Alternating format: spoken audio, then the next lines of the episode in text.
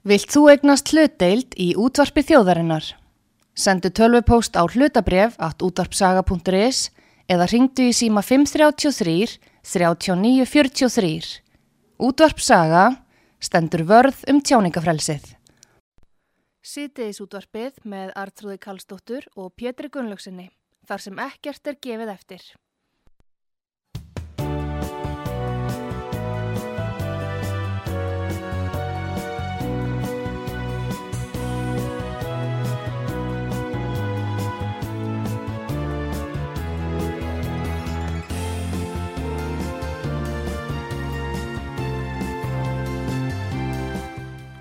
Komið þið sæli til að hlusta á útvarsögu Artrúðu Kallstóttir, heilsar ykkur.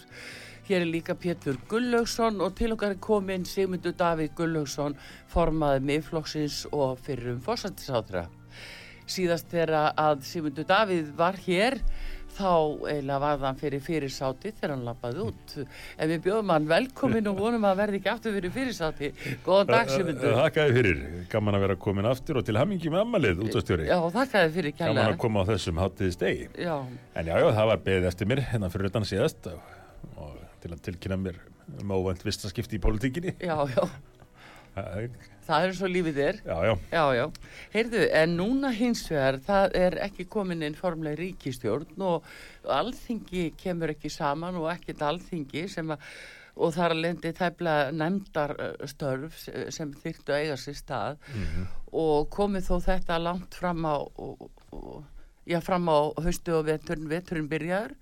Eh, við fáum fréttir að eh, hugmyndum um, já, til dæmis að það er að selja mílu mm, Það er að koma eh, hugmyndir um áframhaldandi loftlagsskatta og grænaskatta en eh, hvernig sérðu það fyrir því semundur um, hvernig er þetta ríkistjóðnars samstarf að eh, myndast? Heldur þið sé að ná saman eða hver er að gefa hvað eftir? Já, mér finnst ennþá líklegast að þau nái saman, fyrst og fremst vegna þess að sjálfstæðis og framsóknarflokkin eða formenn þeirra flokka langar umfram allt að fá að sitja áfram í skjóli Katrínar Jakobsdóttur. Svo þess að þeir munu gefa eftir það sem þarf, ger ég ráð fyrir. Æ, til býtu, akkur ættur að sitja í skjóli hennar? vegna þess að hún er vinsal og, og vel liðin og þeim finnst bara ágætt að vera með VAFG í, í ríkistjórn og þurfa þá ekki að fást við þá gaggrinni sem þeir fengju ella ef þeir hefði ekki svona vinstra skjól.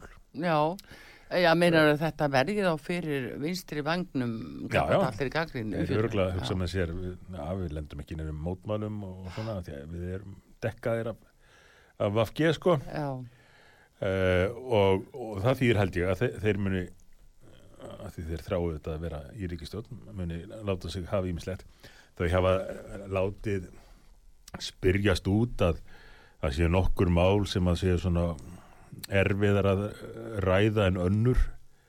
En hafa nefnt til ofslagsmálin, umhverjismál og einhver félagsleg málefni. Mér finnst það líklegt að þetta sé fyrst og fremst gert uh, fyrir flokksmennina. Það er að segja stuðningsmenn flokkana að gefa til kynna við þá að þeir séu að berjast fyrir einhver í, í þessum viðræðum hver verður svo niðurstaðan? Ég mynda mér að hún verði svo að það verði skipaðar einhverju starfsópar og nefndir til þess að meta hluti eins og hálendistjókarinn og undirbúa hann betur og, og svo verði skoðað með, með grænar fjárfestingar. Mm. grænar fjárfestingar. Já, uh, án þess að nokkur maður muni vita hvað, hvað það þýðir. En þau muni öll gerir það fyrir samanlast um að ríkistónin muni leggja á áherslu á grænar fjárfestingar og þannig uh, ná saman í umhverfismálum. Gæti jafnvel átt bara- hafa það að stopnaði lofslagsráðandi en þýðir það ekki bara að, að, að hérna, selja grænu skuldabrifin og svo leggja á hérna, græna skatta? Er það ekki Jú, græna fjárs? Jú, jú, sko uh, þessar svokölluðu grænum fjárfestingar eru nú fljótt að verða einn helsta svikamilla sem hefur sést á Vesturlöndum um áratuga skeið að er virðist Í hvað á nota sem því pening? að menn veit ekki í hvað peningarnir eru notaðir þetta er allt spurningum hvort þú fær stimpilinn eins og í pólitíkin almennt nút í dags allt spurningum stimpla ef þú fær græna stimpilinn þá, þá setja fleiri peninga inn í þetta og hverjir eru að hagnast á þessu umfram alla aðra. Það eru ríkustu menn í heimi. Það eru eigundur stærstu fyrirtækjana, ekki hvað síst netsviðinu og slíku, Já, uh, sem er að hagnast eh, gríðarlega á þessu. Vegna þess að það, eru svo mörg stjórnvöld sem er að reyna að leysa málin innan gæsalappa. Með því að segja, setjum bara meiri peninga í græna fjárfestingar. Fyrirtæki gera það sama. Auðlýsa það síðan í framhaldunni. Já, við erum að fjárfesta grænt. Uh, þannig að allt gengur út út á stimpilinn. Og þeir sem fá stimpilinn að vera með græna fjárfestingu, þeir hagnast. Uh, algjörlega óháð því hvort að þetta skilir raunverulegum árangri fyrir umhverfið eða lofslæði. Sjáðu til dæmis bara vindmjölu framleysluna. Það er algjörlega litið fram hjá því að hún er, er mjög mengandi út af framleyslan á vindmjölunum sjálfum og það uh, er, er framleitt, eru framleittir fágetir málmar í þetta í, í Kína og stálið er framleitt í Kína og svo er þetta flutt allt saman til vestur-Európu sem hann getur stilt upp þessu myndmjölum og sínt hvað þessu umhverfisvænir þeir eru. En bara til þess að sko, ná að mæta aukinni eftirspurn eftir orku, ekki allir orku eftirspurn, bara aukningunni ár frá ári mhm, Þ- þyrfti að vindmillu uh, leggja landsvæði á stærðið bæði Bretland og Írland. Á hverju ári, já, hverju ári?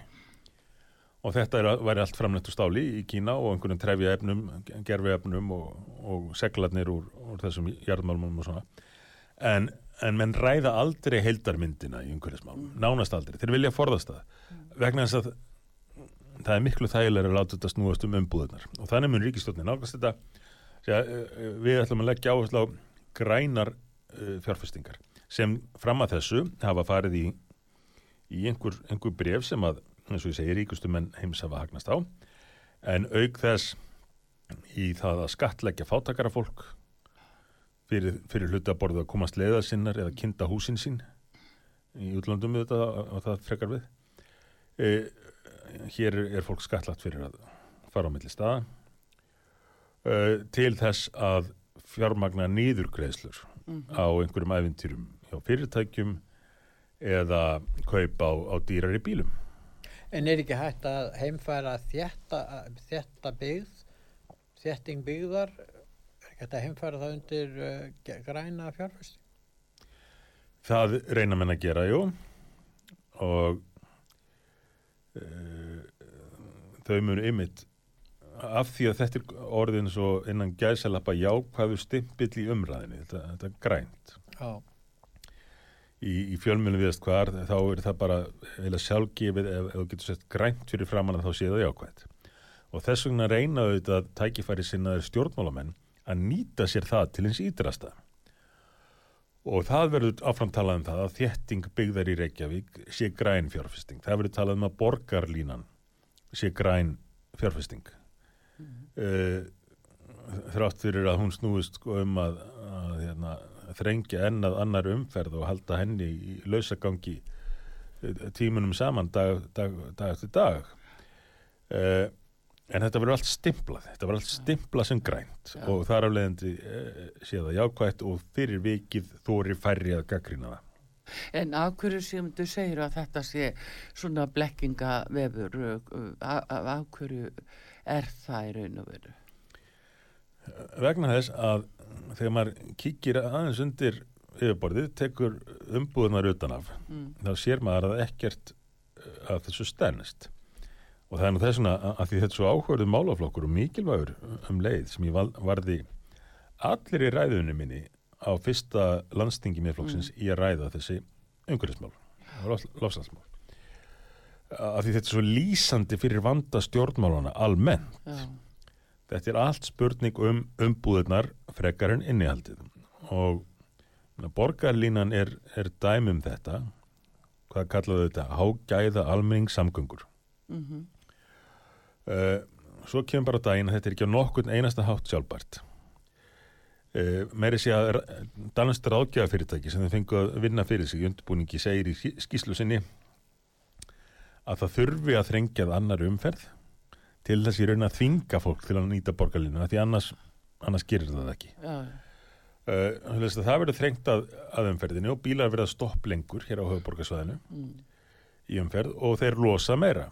Við náum ekki hafkamasta uh, hraðanum í, í umferðinni og, og það þýðir einfallega meiri losun, ekki Já. minni það var einmitt verið að, að samþykja breytingar á aðalskipulagi í Reykjavíkur í gær Já. og þá komi ljósa að það er verið þrenginga á götum og uh, jafnvel bílastæði frá engaðilum tekið undir eitthvað pláss sem að, að og þéttingin er svona mikilst að þess að það eru ekki nýtta lóði sem að standa í útkverfu. Já, já algjörlega en, en, en sjáðu bara hvað menn láta stöðut plata sig. Eins og þessi ríkistöð sem að nú er að fara að halda áfram uh, sem hefur látið eh, borgina eða borgarstjóran kannski sérstaklega plata sig aftur og aftur. Mm. plata sig varandi Reykjavíkurfjöld plata sig til þess að ríkið skattgreðendur á Íslandi settu 50 miljardar í kostningalofvort samfélkingarinnar um borgarlínu Já. í fyrstu umferð í fyrstu umferð, bara til að byrja með áður en kemur að reksturinum og, og, og áður en við vitum hvað það mun kosta í held Þe- þessu er hendarninn sem vantanlega einhvers konar grænu lofvordi og svo segir ríkið, eða, ríkistjórnin þá á móti, þá á móti fá við ákveðna samgöngubætur sem að ríkið hefur ekki fengið að ráðast í undan farin tíu ár Mm. Uh, gatnamót og slíkt. Jæja, svo koma bara formin skipulas ráðs Reykjavíkur, fyrst einn og svo, svo sem tók við og segja nei, við ætlum ekkert að heimila þetta, við viljum ekkert svona gatnamót. Að því að við teljum að þetta sé allt og mikið umferðarborg. Svo lesa það er að ríkistjóðin stendur eftir allsbyr búin að aðfenda 50 miljardar fær ekkert í staðinn. uh, borgin svona nánast gerir grínað ríkistjórninni sem var að láta, láta hann hafa 50 miljardar í borgarlínu. En, en það er vegna þess að þetta er ekki pólitísk ríkistjórn þetta er ríkistjórn sem að uh, sem að snýst um að ha- halda sjó og uh, og fylgja leiðsögn kerfisins. Já, en býttu, stöldur við mitt við þetta sigmundur, það er kannski mitt margir þarna úti sem að spyrja sig að því hver er að stjórna Íslandi, af hverju komið svona fyrir okkur, hvaðan koma þessa hugmyndir, hverju er verið að gera þetta og við heyrum jafnvel eins og að fyrrum fórseti Íslands kemur fram í sjónvarpinu og segir já, við höfum ekki verið eftir bátar annara, við, nú er það sæstrengur frá Grænlandi í gegnum Ísland og, og yfir til Færeja og það er eins og sé verið að tilkynna okkur einhvern veginn hvernig hlutinir eigi að vera mm -hmm. þrý fjórðu mannkins verða bara í Asíu eftir 20-30 ár Hva, hvaðan kemur þetta? Akkur er, í hvað klóm erum við Íslendingar? Já, sko, það er nú eitt og annað sem ég þarf að segja sem svar við þess, þessari spurningu sem er bísna stór. Eitt af því sem veldur mér eh, miklum áhugjum þessar dagana er hversu svona, lítil líðræðisleg umræða er á Íslandi. Þið hér á útarpi sögu þetta, gerið, gerið ykkar í því heldur betur og verið mikilvæg hvað það var þar en, en, en það er mjög takmarkað svigrum fyrir gaggrinni. Þó eins og til dæmis í þessu borgarlinumáli, þá eru menn eins og, svo Þórun Hjaltason og, og, og fleiri að skrifa mjög góða greinar og benda á hlutina.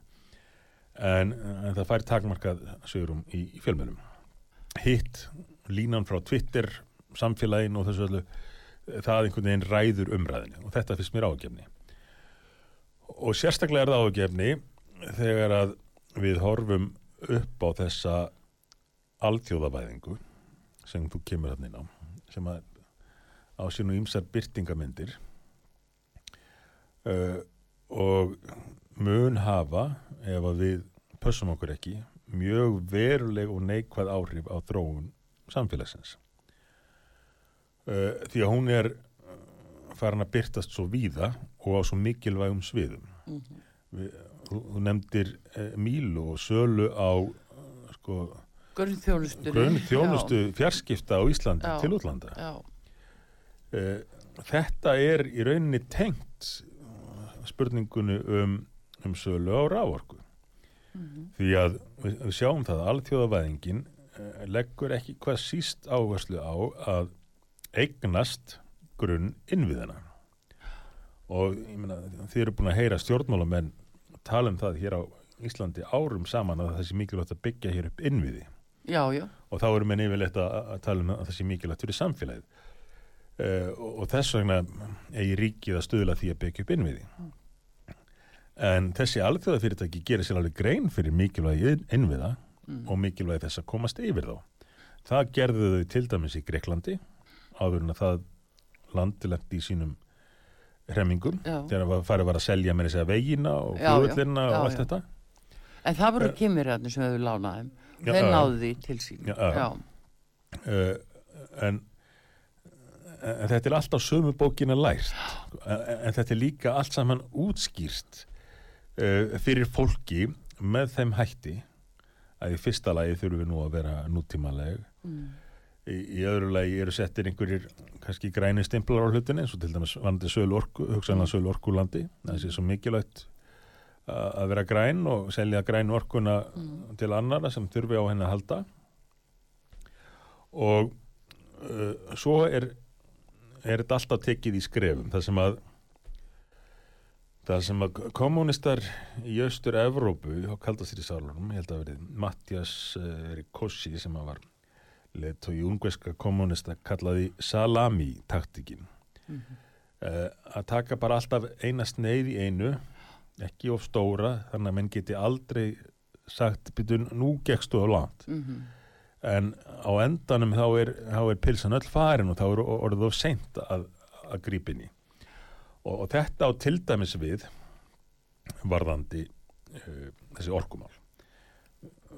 Hlustendur og vonandi muna eitthvað eftir umræðinu um orkupakka 3 já, sem var, var mjög hörð og, og mikið fjallað um það mál hér á, á þessari útastöð og við fjöllum sannlega mikið um það í þinginu. Og þá var alltaf notu, reynd að nota sömu aðferð en ána svona hæðast að okkur. Mm. hvað er það að hafa ágjur af þessu? Mm. þetta mun ekki hafa nein áhrif. Emitt, uh, og maður sér þetta sama í, í alls konar málum, það er alltaf að byrja á þessu. Hvað, ja, þetta hefur engin áhrif Marrakesh, samkomalega og allt þetta. Þangar til búið er að klára, klára dæmið þá er allt í hennu breyttum taktik og þá bara verðum við að standa við það sem við erum búin að samþykja standa við alþjóðlega sko alþjóðlega skuldbindi og, og þannig er þetta í þessum orkumálum. Þar var alltaf, alltaf talað með hafði engar ágjör þessu. Þetta skiptir einhver máli á meðan að landið er ekki tengt við Európu það er enginn að fara að tengja það með sæstring já, já, þegar var bent á byrju, það er verið að ve- veita hérna erlendri stopnun völd yfir orkunýtingu Íslendinga. Já, já, kemur ekki til uh, miklu leiti nema, nema við verðum tengt við neti og það er enginn að fara að tengja okkur. Já, ekki fyrir búið að samþykja þetta. Heldur en uppspretta hugmyndir um vindmilu garða um allt land ekki til að framleiða orkuvendala fyrir innlandamarkað. Framleiðana til niðugreitt orka já, já, sem að fátakafólki skatla til þess að niðugreiða fyrir þessi fyrirtæki. Og síðan er þetta selt til og, selja þetta og, og, og, og vindmilugarðum allt til að, til að geta uh, selt út orku. Svo, uh, svo er heldur um ræðan áfram og nú er farið útskýra fyrir okkur að við þurfum að tengjast með sæstring meiri sé að fjármálar á þeirran Bjarni má nú eiga það að kvöldið fyrir kjördag í umræðum að rúf þá sagði hann nokkuð sem að sem að mér fannst mjög áhugavert en en spyrðlarnir náðum ekki að fylgja eftir. Þess að við þurfum að ræða hvort þegar nýta þessa ég er endur orðið aðeins, ég man ekki Já. nokkuð orðalæð við þurfum að ræða það hvort þegar nýta þessa umhverfisvæðinu orku engungu innanlands og mér finnst ekki. Ein, einhvað á þessum nótum, ég, ég man ekki orðalæð ég tek það fram. Mm. en, en þessu verður ekki fyllt eftir. Og uh, við sjáum þetta bara gerast aftur og aftur í alls konar málum. Að þetta fyrir gennum sama ferlið. Fyrst er sagt sko, þið eru að hafa óþarfa áhyggjur. Svo er farið að hæðast að mönnum. Þið eru nú meiri kjánarnir að vera ykkur upp úr þessu. Svo er hlutunum samþittur og þá í beinu framaldi byttu við erum búin að gera þessar alþjóðulegu skuldbendingar og við þurfum að fylgja þeim af þessum og þessum siðfyrirslegu ástæðum fyrir umhverfið og fyrir allt mögulegt. Já, já, og, og, og þannig virkar kerfið. Já, og globalismin er búin að yfirtaka kerfið. Já, það er þetta sem að, að ég er að fiska eftir hjá þessu heimundur að sko hverjir eru búnir að festa þannig klætnar utanum okkar mál hér á Íslandi að við séum orðið meira bara svona þykjendur og við hlýðum, við erum hlýðin og, og, og sko og þessa frétti sem eru að koma svo ég taki nú mílumáli sem dæmi. Þetta er að gerast þegar við erum ekki með formlega kjörna ríkistjórn við erum ekki með alþingi starfandi. Þetta bara byrtist í svona fréttamiðlum og svo bara, eh, bara máli búið. Það er bara búið að skrifa undir sko hvað er verið að gera við Íslendinga Sko, ef þú lítir á þetta út frá hagsmunum kerfisins Mm. og alþjóða kerfisins þar á meðal, þess að stóru alþjóða fyrirtæki sem Mm. að reyna að græða á innviðum og allt þetta. Eh, ef þú lítir út, á, þetta út frá þeirra stöðu, hvað er ennþá betra en að vera með kerfistjórn eins og við höfum verið með undan bara ár? Stjórn sem að líðir kerfinu. Hvað er ennþá betra?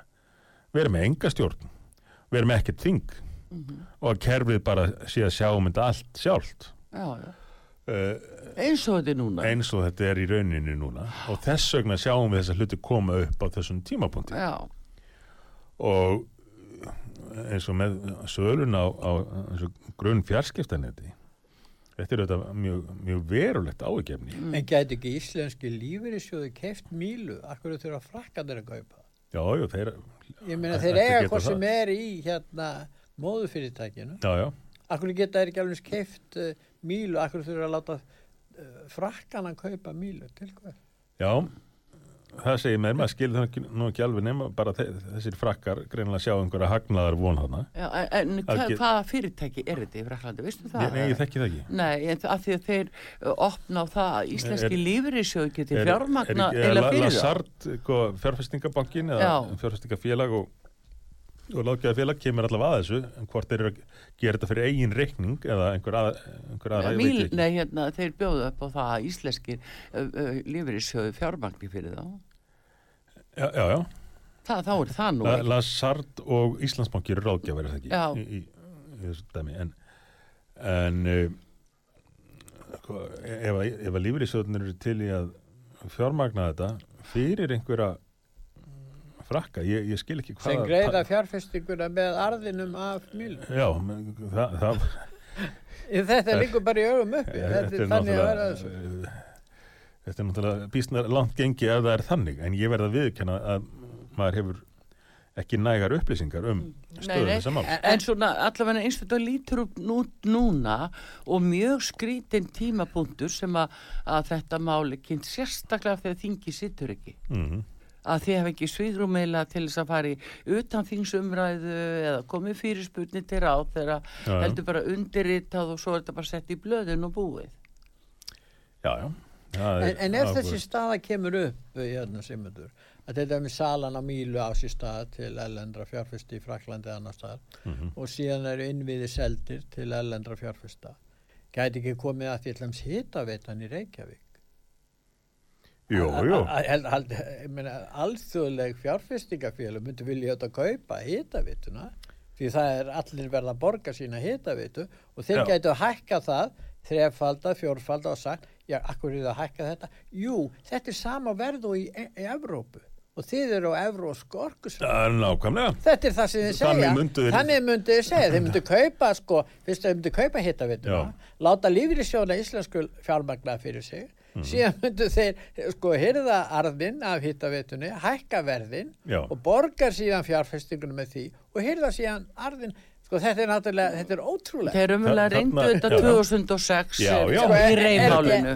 Já, Í, þessu sæmi reiðmáli, hagnaðavonuna og, og ég myndi að nota þessi rök sem að Pétur lýsir að, að því að uh, vandamálið er það ástæðan fyrir því að verða svona sleis er að menn kannski trú er of trúkjarnir þegar að verður að benda á það sem ættu að vera augljósi hlutir eins og að sjálfsögðu munum við ekki selja hitta já, já, þú hefum heyrt Já. þetta, Já. að sjálfsögðu verður ekki lagður sæstreng. Já, einmitt. Heyrðu, Manst þetta því? Já, já, ég man Manstu heldur betur eftir því Svo kemur rök. fórsiti, Já. hann kemur hér í sjónvarpi, Já, já.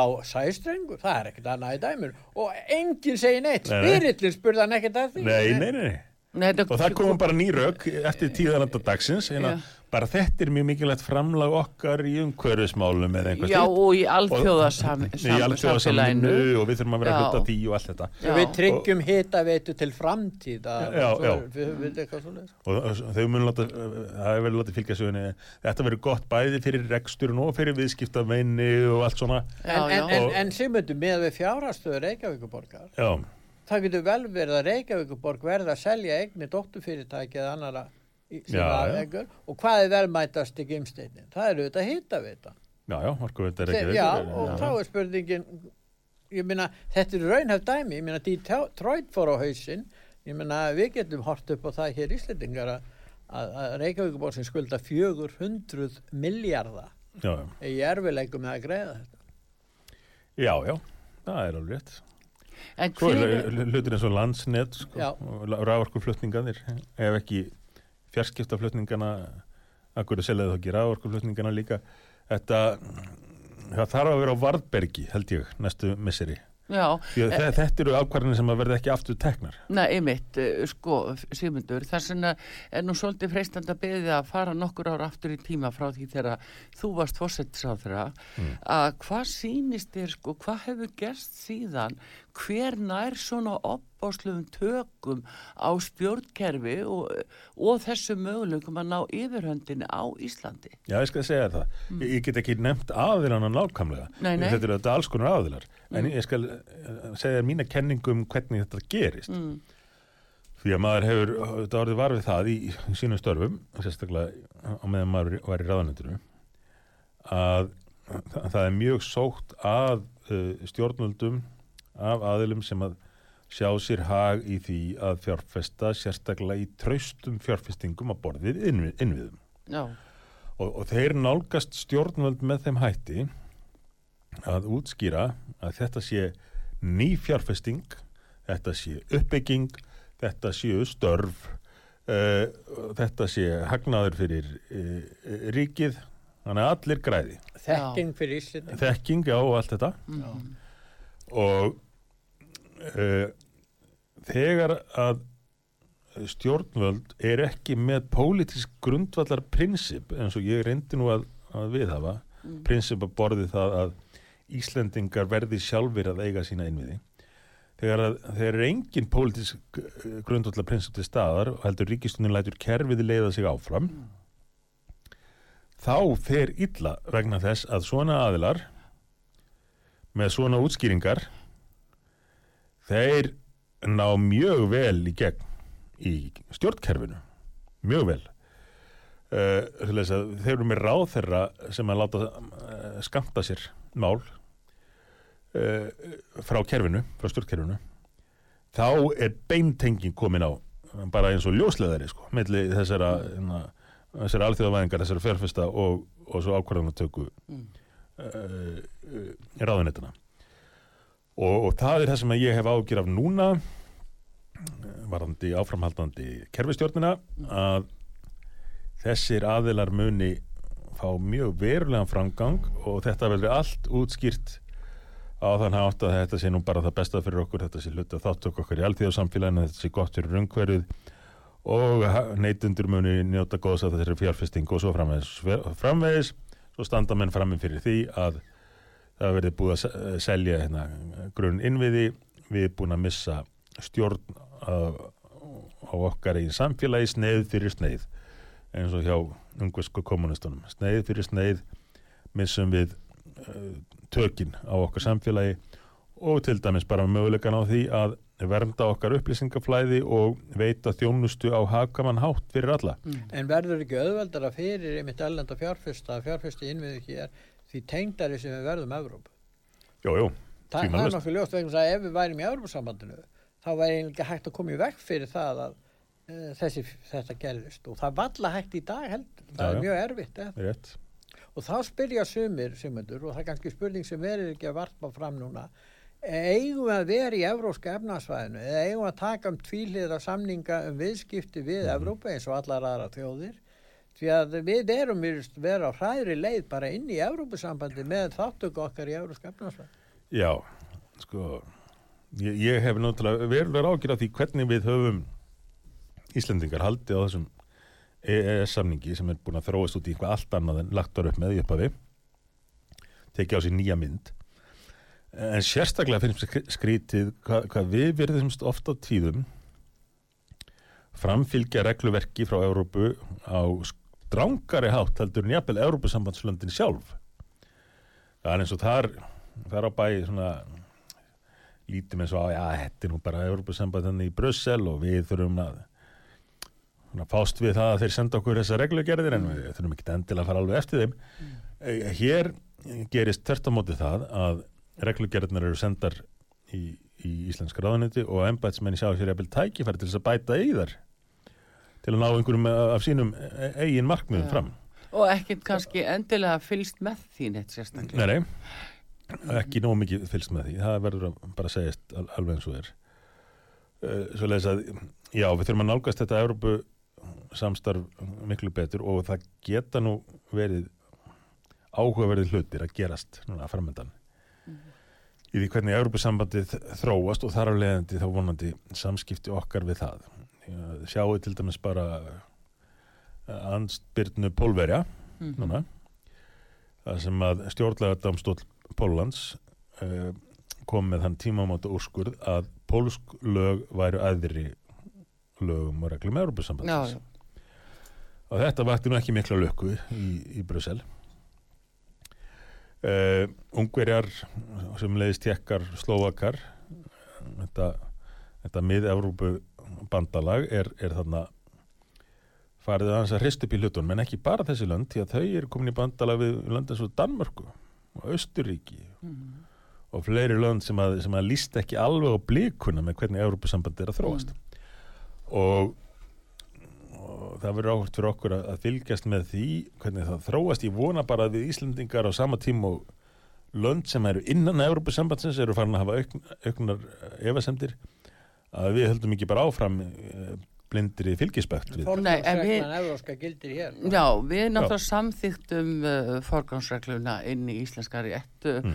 með bókun 35 sem þýðir ef að kemur upp ágreðingur í málum mm. að þá er ríkari réttur uh, ES-regluna sem við förum mm. eftir mm. og þannig að það er íslensku vika Þannig ég ja. veit ekki skerðing fullveldisins liggur um fyrr Já, já, en, en já, já, þetta er rétt en enga síður, myndi ég segja rétt eins og í Pólandi þá eh, vegur uh, íslenska stjórnarskráin uh, þingra en mm. Európa-röglarkið jafnvel þó einhverjir hafi en þeir líti ekki á það þannig nei, nei, nei. þeir líti aldrei ekki á það þannig uh, en þó einhverjir hafi samþitt einhvað sem þeir hefði ekki átt að gera þá sem betur fyrir höfu við ennþá íslensku stjórnarskrána. Mm.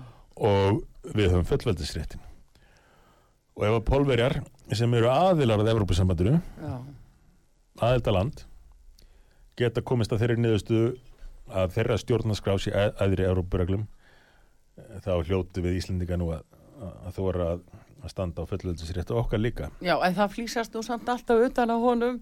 Við ræðum það kannski sífundur mm. hérna ölliti við þig hér og eftir. Við fáum auðlýsingar á útvarpisögu góðu gæstu hér Sigmundur Daví Gullöksson, formaði miðflósins og fyrir um fórsættisráþra við erum hér með honum Artur Kallstóttur og Pétur Gullöksson höldum áfram að tala við eh, Sigmundur Daví hér og eftir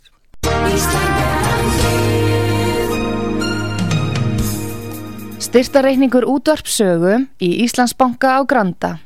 Útubú 513, höfubók 26, reikningur 2.11.11.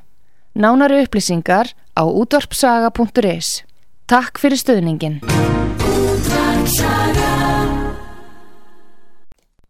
Sýtiðis útvarpið með Artrúði Kallstóttur og Pétri Gunnlaugsinni, þar sem ekkert er gefið eftir.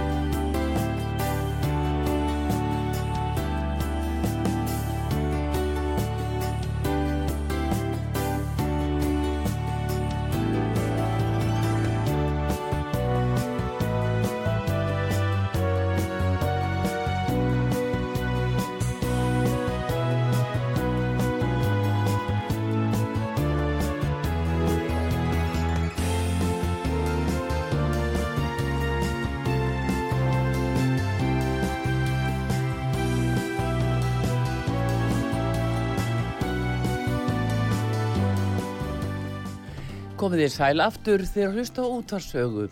Sigmundur Davík Gullarsson formaði miðflóksins og fyrir um fórsættisátra er gestur okkar hér og uh, við vorum hér áðan að uh, ræða um, uh, já vorum að byrja að ræða um fullveldismálin.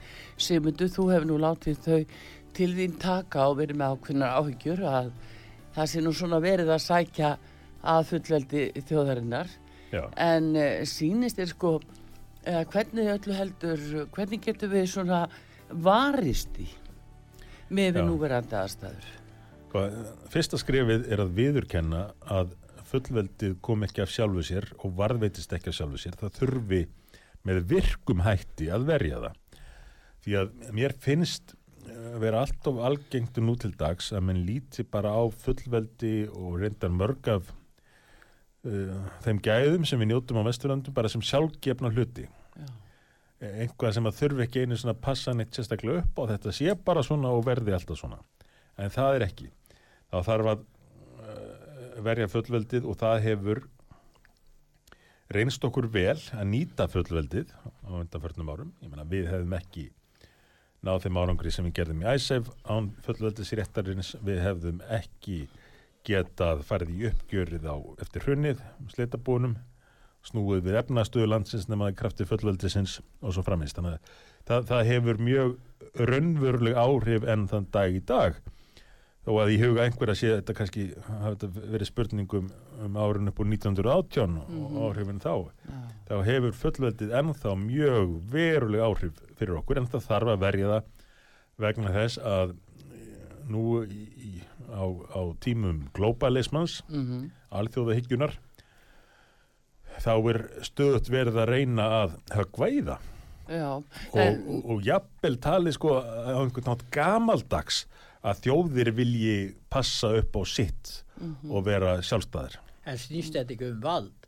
Ef að þjóðuríki missir vald yfir yfiráðsvæði sínu, þá fer það yfir til alltjóða samfélags. Já, já, Þetta snýst um vald. Þannig að Það það skiptir auðvitað öllu máli. Já.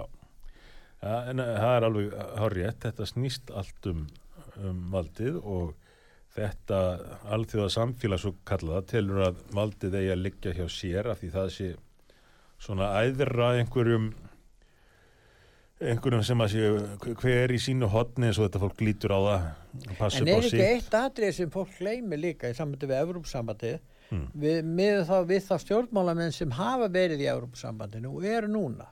Já, Við vitum ekkert hvernig það verður eftir 20, 30 eða 50 ár nei, nei og þar getur komið fram stjórnmálamenn sem væri kannski líki stjórnmálamennir sem voru á fyrir hluta 19. aldar sem fengið þá Mhm. völdin innan Evrópusambansins Já. og ef við værum föstin í því þá værum við náttúrulega háð þeirri stjórnmálaþróun sem er á meiland Já, já. sem að hefur nú ekki alltaf verið mjög eftirsóknarverð. Nei, aldeilis ekki. Þannig að að þetta, það er aldrei talað um þetta atrið. Nei, og það er svona frekar, þegar reyndir að vekja málsáðu þá frekar reynd að gera grína því. Eins og til dæmis varðandi umræðum um samílan euróskan her. Já, það er til það var dæmis mikið hæðst að því að uh, menn var að tala um það sem möguleika. Já, svo kemur nú bara á daginn núna Það er það, að, að, að, þetta er í, í fullum gangi Já, já. já. Svoleiðis að, að það má ekki láta eh, einhvert yfirlætis fullt alþjóða samfélag setja okkur í þá stöðu að, eh, að við hefum bara sætt okkur við það að þeir segja að við séum kjánar ef við erum að hafa áhyggjur á hlutum sem eru sko grundvallar réttindi borgarna og, og grundvallar reglur fullveldis ríkjana uh, menn þurfa að vera svolítið brattir, menn þurfa að þóra að verja eigin stöðu og eigið fullveldi og þar myndi maður nú vilja sjá fjölmiðla, ég er ekki bara að tala um á Íslandi, þetta er við á Vesturlandum standa sig betur. En svona umræðu elítan er svolítið höll undir undir þetta Já, alþjóða Og svo menning sem að hún bóðar. Og það er talað um uh, uh, New World Order og, og það er allir að vera komir inn í sömu búbluna 2030 það eiga helst allir að gangi í takt skiluru þetta er, eh, þetta er gríðarlega breyting á þessu skipulagi og, og þeim fyrirskipunum sem virðast komast alltaf inn í þjóðfélagið Já. og verða sjálfkrafa stýrikerfi án þess að nokkur viti hvaðan það komi. já, já. Þetta læðist aftan á okkur frá einu degi til annars. Það gerir það og það sem að meira er og svolítið merkilegt kannski í þessu samingja því að þetta, eins og Pétur segir, þetta snýst allt um vald. En, en þetta snýst þó ekki um held ég að nýta valdið til þess að að, styrkja þessi samfélög eða stiða þau. Því að sjáu bara til dæmis að- eitt mál sem við rættum hérna aðeins aðan lofslagsmálin Já, þar sem að uh, menn eru að keppast um að setja sér meira og meiri markmið um að draga úr losun og þar með framleiðslu á Vesturlöndum fyrir til dæmis árið 2030 mm. og hvernig gera menn þetta, hvernig hafa þeir gert þetta? Fyrst og fremst með því að færa framleiðsluna frá Evrópu til Kína og annara landa. Já, losun ekst þar framleiðsla ekst þar, verðmættasköpun ekst þar uh, okkar samfélag borga já. fyrir þessa framleiðslu. En svo segja menn já, en sjáðu nú, við erum að hérna, draga úr losun Já, en sem myndur, mitt er að segja þetta. Þeir það, það, er- bara mjög, mjög, mjög aðtýrlisvert vegna þess að það er svo að sé verið að veikja vesturlönd, Mhm. efnahag og þessi þjóðfélög að þau hafi ekki þessa viðspyrnu sem við höfum hingað til að haft. það er markvistur að vekja vestur Já, og, og þá með þessari svona nattrænu skattlagningu. Þetta er, bara, þetta er ekki bara við sem hér á Íslandi látin borga og borgaði okkur síðan ætlað í græna skatta og allt það. Og þó er engin skýring sem gefur náði en það eru hinríkil önnulönd líka. Þetta er bara nattræn skattlagning. Hún helst í hendur við jafnvel eins og COVID-faraldurinn og fyrir ekki ég segi það vegna þess að þetta miðar alltaf því að veikja ríkin, veikja heilu þjóðfélögin. Uh, núna ríkiskassin hann bara, hann tæmist og tæmist af því það er verið að borga svo mikið út af, út af faraldri Þetta kemur allt upp á sama tíma, krafanum, ofbáslega skatta, græna skatta, það þýðir að veikja. Og núna, uh, allur faraldurinn, það þýðir að veikja. Og samt vilja menn ekki leita upprunans í Kína. já, já, en, en þetta er bara gegnum gangandi hjá þessari nýju elitu sem er svona, eh, fylgir þessu, þessu þessari nýju vinstri stefnu glóbalísku vinstri stefnu kalla sig, sig frjálslind fólk sko, þó að það sé nú heila sko, anstæða þess. En alla þessir, þessir nýliberalistar uh, eru í því að brjóta niður allt sem að hefur reynst vestrænum samfélögum vel í gegnum tíðina. Brjóta niður fullveldið brjóta niður grundvallarreglur réttarríkisins, sakleysin sektir sönnuð og, og, og, og, og bara nefndu regluna og, og, og það er verið að vega að henni. Vega kristni og kirkju kristnum gildum, já, kirkjunni svona grundvallar gildum bara samfélagana í gegnum tíðina. En, en hins vegar verða menn mjög viðkvæminn fyrir allir, fyrir allir gaggrinni á allt annað. Mm allt utanakomandi uh, sjáu bara til dæmis munin á því hvernig má tala um kristni og og hvað má eða má ekki segja um önnu trúabröð sem eru þau næst uh, fjölmennist í heimi. Þess að þetta, þetta, er allt, þetta er allt á sumu bókina lært. Það, það er einhver annars vegar já, þetta er fyrðulega bland annars vegar að, að, að þeirri uh, trú að allt komi af sjálfu sér. Og, og svo hins vegar að, að það megi bara brjóta niður allar þessar grunnstúðir samfélag okkar sem að tók forfiður okkar ár hundruð, ár þúsund að byggja upp. og, og svo sannarlega og það er kannski meðal annars þessuna við sem að kannski uh, munum nú aðeins aftur í tíman að uh, ekkert af þessu hefur verið sjálfgefið eða auðvelt nei. og þess vegna er það þeim mun meiri hrollvekja að sjá jafnvel okkar fyrrum forseta kom og tilkynna okkur nánast í gegnum ríkisjónvarpið að hvernig þetta skuli verða maður spyr sér svo sannarlega uh, hverja erinda gengur hann og hver er að stjórna Íslandi? Þetta bara fjallar orðið um það hver, hver stjórnar Íslandi. Já, já. Sko, þessi fyrirhundi fósiti náttúrulega er, er bara í ákveðnum kreðsum núna, hann gegnir ákveðnum hlutverkum, einhverjum heiðussætum og kannski einhverjum, einhverjum verkefnavinnu og svona. Í þessu umhverfi, það sem að, það sem að fólkið hefur bara mjög uh, takmarkaða trú á innan gæðsælapa gamaldags hugmyndum á borðið fullveldi og það að halda hlutunum út af fyrir sig og fyrir sína þjóð og, og ég hef náttúrulega hitt gegnum tína fullt af þessu fólki ég hef hitt mm. breska þingmenn, ég hef hitt sendinum frá Breitlandi með þingmönnum og fjárfestum og, og sendiherra og öðrum sem að voru bara að útskýra hversu fyrsta legi gríðarlega tækifæri væri fyrir Ísland í því að flytja át orku. Mm. eh, hvað með um græða mikið að því? En í öðru lagi að það væri skilda okkur fyrir umhverfið. Mm. að, að við deildum þessari umhverfisvæðinu orku okkar með öðrum. Og það verður svolítið áhvert að fylgjast með því hvernig ríkistjórnin tekur á þessari umræði núna í framhaldinu. eh, ef við gerum ráð fyrir að sama ríkistjórn haldi áfram. Sjálfstæðisflokkurinn hann er náttúrulega til alls líklegur þessu getur sagt bara ja, ja, þetta er mikill hagnaður sem að fengist með þessu fyrir sem að má, það nýta í, í helbreyðismál og einhvað og að fólk náttúrulega viti að hagnaðurna þessum er ekkit endilega að skila sér bent til allra en uh, þeir getur stilt í þannig upp. Og, og um leiðir við að gera heiminum gagn með, með því að flytja át umhverjusvein orku framsvagnarflokkurinn náttúrulega að vanda uh, mun bara gera hvað sem þarf til þess að vera í ríkistjórn mm. uh, hversu oft skiptir um skoðun uh, varandi veggjöldin? Ég held að þegar ég hætti að telja var komið fimmsunum á síðasta kjörtíðanbili og alltaf með einhverjum, einhverjum rökum um það hvers vegna menn var annarkvært algjörlega mot veggjöldum eða fullkomlega hlindir veggjöldum. Þannig að menn geta fundið sér rökin hvað þetta var þar þetta verður hins vegar erfiðast fyrir Vafge vegna þess að þau, þau lenda í svolítið tókstreitu þannig einberðist tókstreitu mm. annars vegar langar þau að vera hluti af þessu alþjóða græna samfélagi og, og það kallar mjög eftir því að Ísland dæli orku, hreitni orkun á Európu en um leið vilja þau ekki virkanir og vilja loka hálendinu. Þannig að hvernig uh, náðu að vega og metta þetta, það verður ekki gott að segja en þetta getur orðið áhuga að verða umræða. Já, en það var einmitt aðtílisvert að komi í, í kvöldfrættum í gær, það át á undirbúningi fyrir loftarsástöfnu í Glasgow.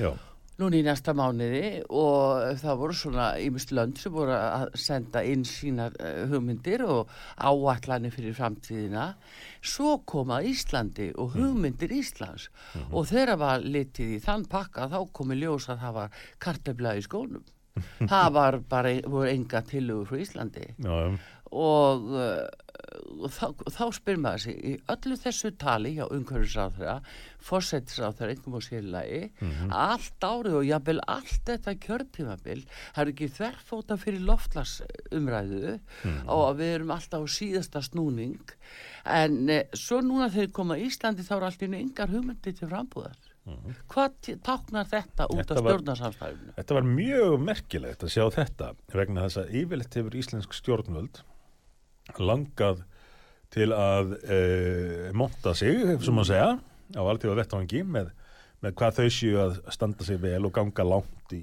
í þessum málum. Og við höfum síðan nokkur dæmum það á, á síðasta kjörtjánbili e, Íslenska ríkistunum var alltaf reyna að topa sig til þess að vera vinsælæsta vin, með vinsælustu fulltrúan á, á næstu ráðstöfnu Já. Og hérna sláðu gegn í káttilbóðunum og fá að heyra hvað við, við varum rosalega metnaðanfull og gera hlutin vel Svo kemur að þessari stóru ráðstöfnu sem allir þessi umhverfis vendarheimur er búin að vera að býða eftir og þá bara ekkert frá Íslandi. Hver er ástæðan? Ég ímynda mér, á þess að ég auðvitað viti það en ef maður bara leitar að kenningum, ég ímynda mér að það sé vegna þess að Vafki sem fara með fósættisránundið og umhverfisránundið sem að myndi hafa um þetta að segja mm -hmm.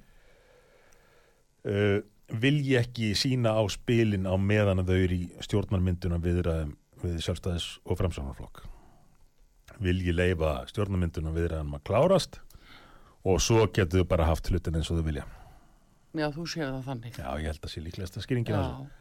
Sigmund- Allavega þeir eru eitthvað að halda þessu niðri þá allavega Bjarni og Sigurður Ingi þeir verðast eh, einhvern veginn stíga á bremsuna. Eini, sko, þeir eru ekkert að hafa neina áhrif á þetta þetta er bara eh, og, og nú er ekki enn tekvað fram með kenningar Já, en þetta er bara fósettisir áþurann mm, sem að les stöðuna þannig að það sé best að fá þá gaurana sem að langar svo að vera meðni til þess að samþykja stjórnarmyndun fyrst mm. áður en hún fyrir að gefa frekar yfirlýsingar í, í yngresmálunum. En Sigmundur, ef að ríkistjórnin heldur áfram þá verða þeir með 38 þingmenn Já, og þeir að koma fyrir mál eins og fjóruðu orkupakkin og ég tala ekki um tillagum sæstreng eru Mhm. það nokkrar varnir að stjórnaranstæðin er náttúrulega sundruð verður sundruð, þeir eru, Já. þeir ekki sammála og eh, eins og segi þeir með 38 þingmenn þá Mhm. eru eiginlega engar varnir til að verjast því ef þeir vilja koma hérna, samþykja að leggja þennan sæstreng til Evrópu eða innleiða orkupakka fjóra hann liggur fyrir orkupakkin, það er bara eftir að leggja hann fyrir þingin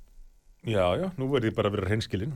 Það verða mjög takmarkaðar varnir gegn þessari ríkistjórn eins og, eins og staðan er í þinginu. Já, hann, þeir hafa fjölmiðluna miklu leiti með Já, sér uh, og síðan eru með 38 þingbenn og embættismannakerfið og, ymsa hópa svona sem, að- að stiðja á. Þannig líkundar Já. eru harla litlar á að hægt sé að stöða það. Ég vel bara segja alveg svo er, já, það er rétt hjá þér. Þannig við erum Við- sennilega komið með sæstreng og fjórða orkubakkar sem þýðir það að við erum orðin, orðin algjör hluti af evróska raforkukerfi.